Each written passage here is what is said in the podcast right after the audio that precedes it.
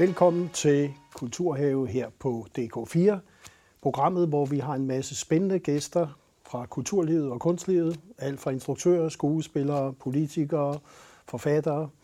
Og i dag har vi landets kulturminister, Mette Bock.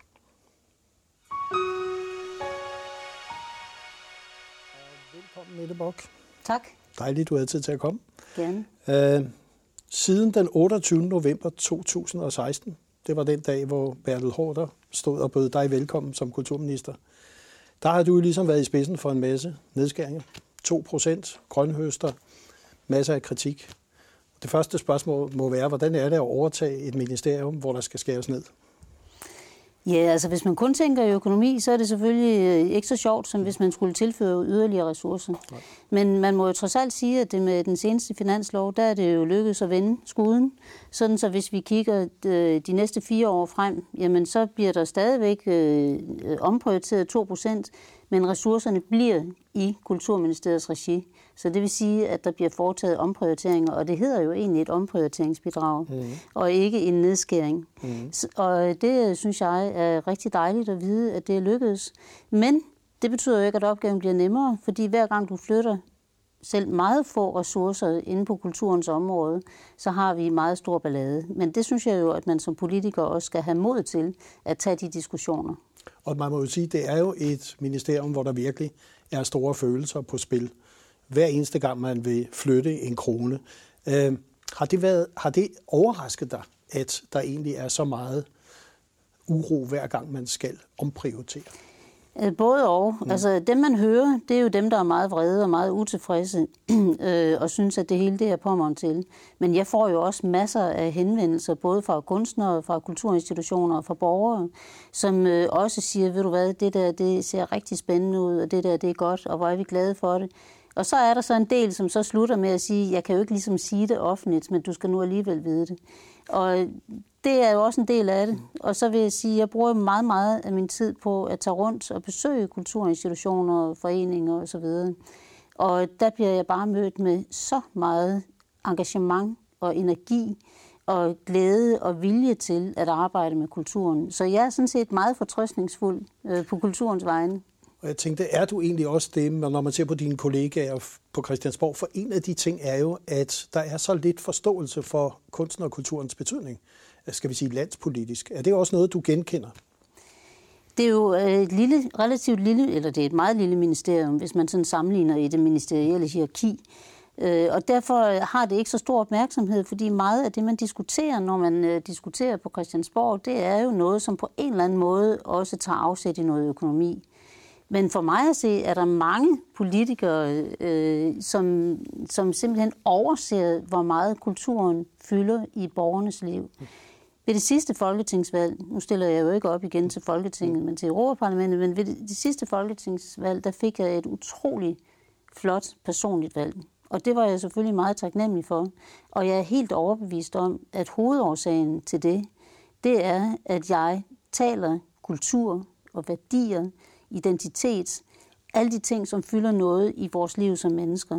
Ja. Og det er altså noget, der optager folk. Der er lige for nylig lavet øh, store borgerundersøgelser, både i Aarhus og Aalborg. Og når man spørger sådan helt åbent befolkningen, hvad er det, der betyder mest for, at du synes, at din by er en god by at bo i, så brager kulturen ind på en førsteplads. Så jeg tror, man politisk undervurderer, hvor stor en betydning kultur har.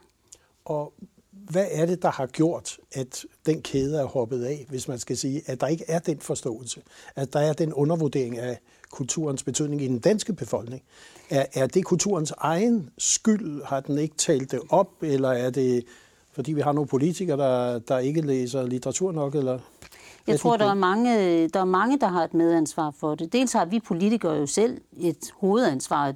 Vi skal jo tale mere om det, og ikke kun hvis man er kulturminister. Det synes jeg også, man skal, hvis man har med andre ministerier at gøre, ligesom jeg jo også taler om andre ting end lige præcis det, der har med Kulturministeriet at gøre.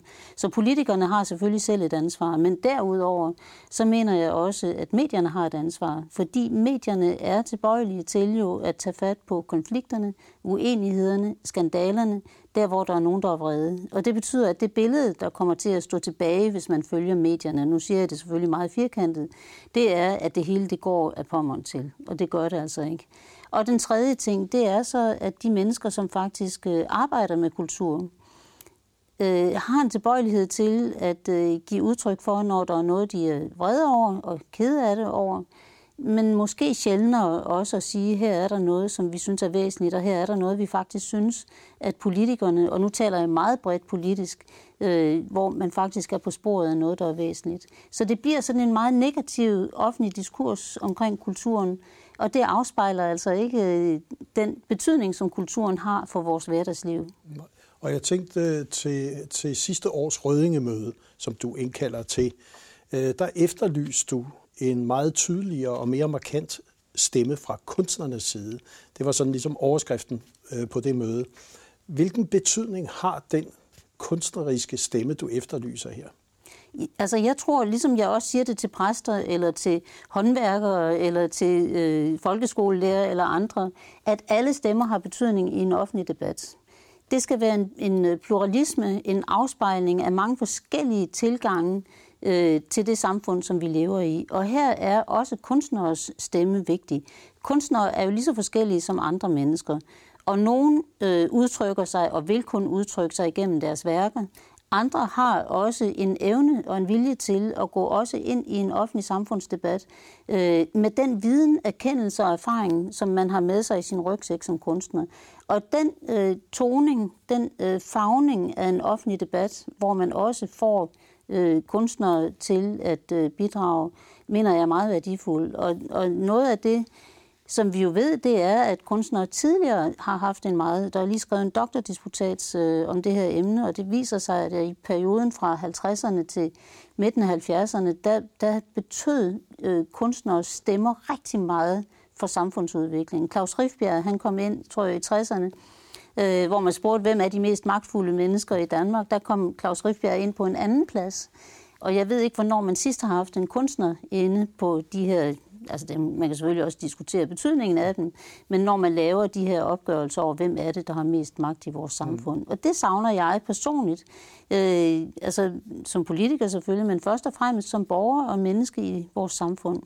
Forstår du, at der er mange kunstnere, der siger, det vil vi egentlig gerne, men vi føler, at vi bliver skudt ned, så snart vi kommer frem med en mening, for så får vi at vide, det har vi ikke forstand på, hvilken belæg har vi for at udtale os. Så de kunstnere, der egentlig har prøvet måske at gå ud med et markant synspunkt, har jo ligesom også fået, skal vi sige, hårdheden og mærke derude i dag i mediebilledet. Men det er jo et grundvilkår i et øh, pluralistisk demokrati med ytringsfrihed, at hvis man har holdninger, så vil man også blive modsagt. Og det er jo sådan set noget af det fine, og noget af det, der er med til at øh, udvikle vores erkendelse og vores indsigt. At vi, øh, at vi øh, også stødes imod hinanden, altså holdningerne brydes. Og øh, det kræver selvfølgelig, at man har den robusthed, der gør, at man ikke øh, lader sig blæse om kul, mm. hvis der er nogen, som siger noget øh, kritisk mm. om det, som man selv har udtalt sig til. Men den myndighed, synes jeg, man skal have. Altså det, det er en form for demokratisk myndighed, at vi skal vide, at, øh, at når man har en holdning, så vil man blive modsagt. Men vi skal selvfølgelig prøve at øve os på alle sammen og tale til hinanden i et mm. ordentligt sprog. Og jeg tænkte, synes du, at der bliver talt ordentligt i dag? Fordi når vi ser tech-giganternes platforme, Facebook, Google, Twitter osv., så ser vi vel, at den hårdhed, den dialog, er vel ikke den, som du har efterlyst, eller efterlyst også med Rødingemøde, en, en, en, kan vi sige, en mangfoldig dialog, hvor der er plads. Fordi den er jo tiltalende hård. Men, det, men det er sådan set ikke det, at man er kontant, og at man er skarp. Det er mere det, når samtalen den i virkeligheden bliver øh, rigid, nedværdigende, hvor det handler om at, øh, at øh, besudle den andens integritet og moral og hensigt, og man tillægger andre nogle holdninger, som de måske ikke har. Altså det er den dårlige samtalekultur, som selvfølgelig florerer øh, øh på de sociale medier, og som vi ikke har lært at navigere rigtigt i endnu. Altså det med sarkasmen og ironien og nidkærheden, det har jo været altid. Altså Søren Kierkegaard, vores verdenskendte filosof, han ville jo utrolig gerne i det satiriske blad øh, Korsaren øh, i midten af 1800-tallet, og han, han bad faktisk om, om ikke godt de også ville tage fat på ham. Og da de så gjorde det med ironi og sarkasme og satire, så blev han stangfornærmet og virkelig ked af det. Så, så vi har jo altid haft det, men det bliver bare meget voldsomt i dag, fordi de sociale medier fylder så meget. Men jeg hørte faktisk en tysk professor holde foredrag her øh, for nylig, øh, som har arbejdet med det med de sociale medier og debatkulturen på de sociale medier. Og hun øh, sluttede jo med at konkludere, at man skal lige huske, at det virkelige liv, det er jo altså ikke det, der finder sted på de sociale medier. Det er det, der foregår, når vi mødes og arbejder sammen og taler sammen i virkeligheden. Er du nervøs for de store tech-giganters indtog? Altså i øjeblikket, så, så læser man jo hver dag, at så er der endnu en dårlig nyhed omkring, hvad der sker på de forskellige platforme, YouTube osv. Er det noget, du er nervøs for at se i relation til vores egne kultur, vores værdier, den måde, vores sammenhængskraft er? Altså, det er jo øh, ubehageligt, og nogle gange, så skal man jo simpelthen bare øh, slukke for det foretagende. Mm. Og ja, altså, jeg kan huske, da jeg kom på Facebook for nogle år siden, så tænkte jeg, at det skal være fuldstændig åbent, og alle skal kunne komme ind og sige og skrive, hvad de mener. Og i dag, der er jeg bare altså hvis folk ikke opfører sig ordentligt. Øh, så, og det handler ikke om at have de samme holdninger, som jeg har. Jeg vil meget gerne modsiges. Men hvis man taler i et kloaksprog, så, så er man ikke velkommen hos mig. Så vi skal jo lære at bruge medierne, og også bruge de sociale medier på en, øh, på en kritisk måde. Og også altså, i det helt mellemmenneskelige møde. Ligesom når vi møder hinanden fysisk, så er der en grænse for, når vi mødes ansigt til ansigt. Øh, ansigtets filosofi, Løstrup taler om mødet med det andet mm. menneske. Øh, at der er en grænse for, hvordan vi så taler med hinanden og om hinanden. Og det skal vi jo finde ud af, om vi kan overføre også de, de sociale medier på en bedre måde, end vi gør i dag. Men ikke i form af censur, Nej. men i form af, at vi hver især overvejer, hvordan er det, jeg udtrykker mig. Og den der form for digital dannelse, som du jo egentlig lægger op til, den skal vel starte også hos de børnene, hos de unge, at, at vi egentlig har stort fokus på det. Og der spiller kulturen vel en afgørende rolle. Jeg vil tro på alle undersøgelser, så vil forældre og bedsteforældre sige, det er der, det starter. Det er fuldstændig der, det starter. Ja. Dels så starter det jo, altså den måde børn er sammen på øh, i de øh, institutioner, de færdes øh, derhjemme. Men det handler jo også ved om, at man øh, læser børnebøger op for, for sine børn, man spiller musik for dem, man tager dem med til koncerter, med i børneteatret, hvor vi jo netop lærer at forstå både os selv, men også det andet menneske. Så på den måde er den kulturelle dannelse en meget vigtig del af et hvert menneskes dannelse.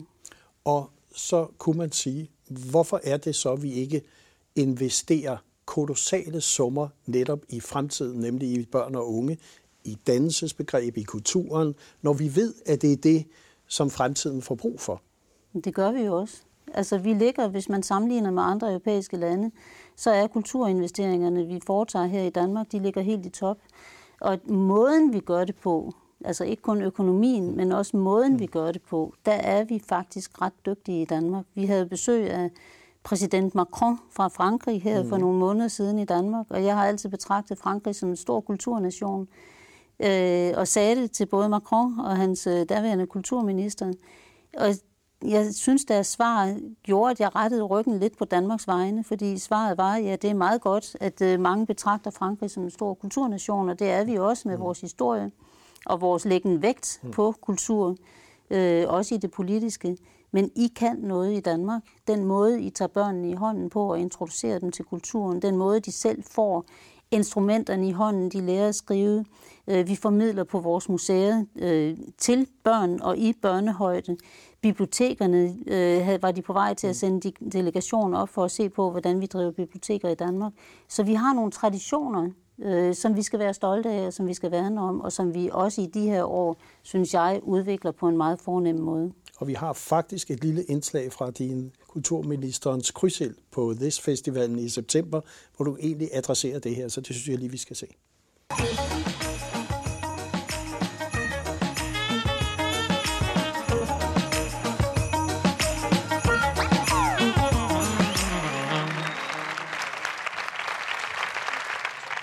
Velkommen til Krydsild. Øh, det vi skal diskutere i dag, det er det, som man kan kalde for det særligt danske eller nordiske kultur-DNA. Det handler om kunst, arkitektur, design, musik, billeder, you name it. Er der noget særligt ved det danske? Er der noget særligt ved det norske Det glæder jeg mig rigtig meget til at diskutere i dag. For nogle få dage siden, der havde vi statsbesøg i Danmark, hvor den franske præsident og den franske kulturminister var til stede. Og jeg har altid tænkt på Frankrig som en meget stor kulturinstitution. Og så sagde uafhængigt af hinanden, både Macron og kulturministeren François Nyssen sagde, ved I hvad, det er meget godt, at I kigger ned på os, men vi kigger faktisk på jer i Danmark og i Norden, for I kan noget helt særligt i forhold til det med at gribe ud, i forhold til det med at aktivere et civilsamfund, i forhold til det med at skabe samarbejde. Og det DNA er jo det, som, som du vil have været ude og søge både her, men det har været meget kendetegnende for dig, at du har været rundt i Danmark og have dialog med danskerne, for ligesom at prøve at finde ud af, hvad er det specielle. Hvis jeg nu spurgte dig det specielle, hvordan vil du karakterisere det danske DNA inden for kulturen? Det er viljen til at tage ansvar. Jeg har stort set ikke besøgt en kulturinstitution, uden at der på en eller anden måde er et civilsamfunds engagement. Altså ikke kun i form af, at øh, folk kommer i teater eller besøger museet, men at der er øh, en kreds af frivillige, som på alle mulige og også nogle gange umulige måder øh, engagerer sig og bidrager til, at det her sted kan komme til at udvikle sig. Og det giver jo et ejerskab i forhold til civilsamfundet, i forhold til lokalsamfundet, at der er den involvering. Nogle tænker, at det er nok bare for at spare nogle penge, øh, så undgår man lønudgifter osv. Men det har en langt, langt videre betydning øh, for forståelsen for, hvorfor det er, at det her det er væsentligt for os, at vi samarbejder omkring det, at vi værner omkring det, at vi støtter udviklingen af det. Mm.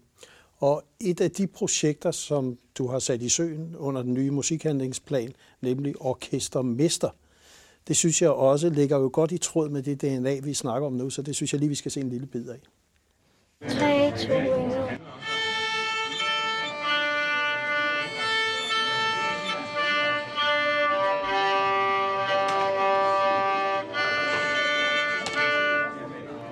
Det er et fantastisk projekt.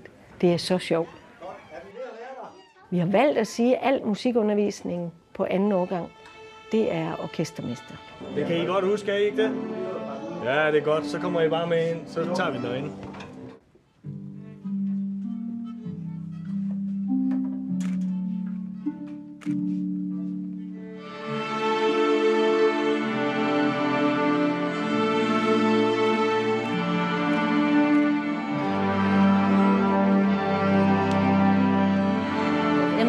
derinde. ved børn at spille i et orkester, som de kan have, måske have vanskeligt ved at opleve i andre sammenhænge.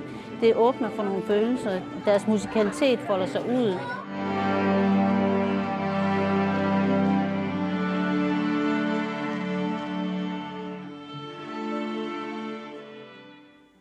Er det, er det et af de projekter, som du gerne vil huskes for?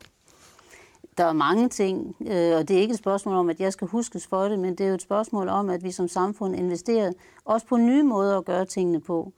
Øh, vi har i mange år haft en stærk musikskoletradition, hvor børn har kunnet melde sig til og øh, kunne lære at spille et instrument. Det har været det enkelte barn.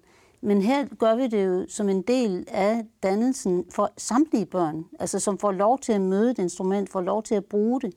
Nogle af dem, de vil falde fra igen, men de vil have haft dejlige oplevelser her. De vil have lært at lytte på en anden måde. Øh, og andre, de vil måske øh, blive fundet og spottet som talenter, som skal holdes i hånden, og måske de bedste af dem udvikle sig til at blive kunstnere, som øh, ligger i den absolute elite. Mm. Så det er jo igen en ny måde at gøre tingene på. Og det er jo ikke, fordi man har gjort det dårligt tidligere, men vi lærer jo hele tiden også i forhold til, hvordan man skal få børnene introduceret og dannet i forhold til kulturen. Jeg tænkte på, hvis man skulle gøre en slags status, hvad vil du så sige var det vigtigste projekt, du egentlig har været inde og have i din tid som kulturminister? Der er mange projekter, som er vigtige i sig selv. Men det allervigtigste, synes jeg, det har været at få sat kulturen højere på dagsordenen. Og det er jo ikke kun mig, der har gjort det, men jeg fornemmer en stigende interesse for og en stigende forståelse for, at kulturen handler om vores grundlæggende værdier. Det handler om menneskelivet i bred forstand. Kulturen binder os sammen. Kulturen kan også få os til at støde sammen. Men, men forståelsen for, ikke mindst i sådan en globaliseret verden, hvor der også er kultursammenstød og sammenstød øh, på mange andre forskellige måder, at der har kulturen noget helt særligt at øh, bidrage med. Det er i virkeligheden det vigtigste af det hele.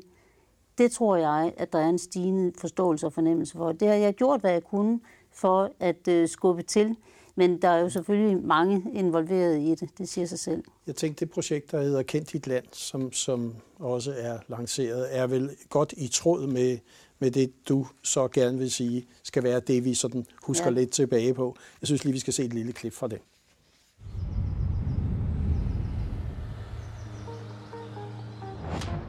Kend dit land går ud på at sende 4. klasse elever rundt på en lille dannelsesrejse i Danmark, hvor de skal øh, lære deres eget land at kende igennem øh, kultur og naturoplevelser. Jeg tænker, at jeg kan se på børnene, at det at komme ud og opleve meget af det, de får fortalt om her på skolen, det gør et eller andet. Det, det giver en eller anden større forståelse for det, som de øh, egentlig synes er lidt uhåndgribeligt, når de sidder i undervisningssituationen. Kend dit land er jo et udtryk for, at vi i en globaliseret tid, hvor vi får viden og informationer om hele resten af verden, at der er det faktisk også ret vigtigt, at vi også lige husker på, hvad det er for et land, vi selv bor i, og hvad vi selv kommer fra. Det er fremtiden. Ja, altså nu har vi forløbet sendt 3.000 fjerde klasser afsted, og fjerde klasse er nøje udvalgt, fordi der er børnene store nok til at kunne forstå noget, og ikke så store, at der foregår alle mulige andre ting i hovedet på dem. Og i år, der håber vi at få sendt godt 20.000 børn afsted.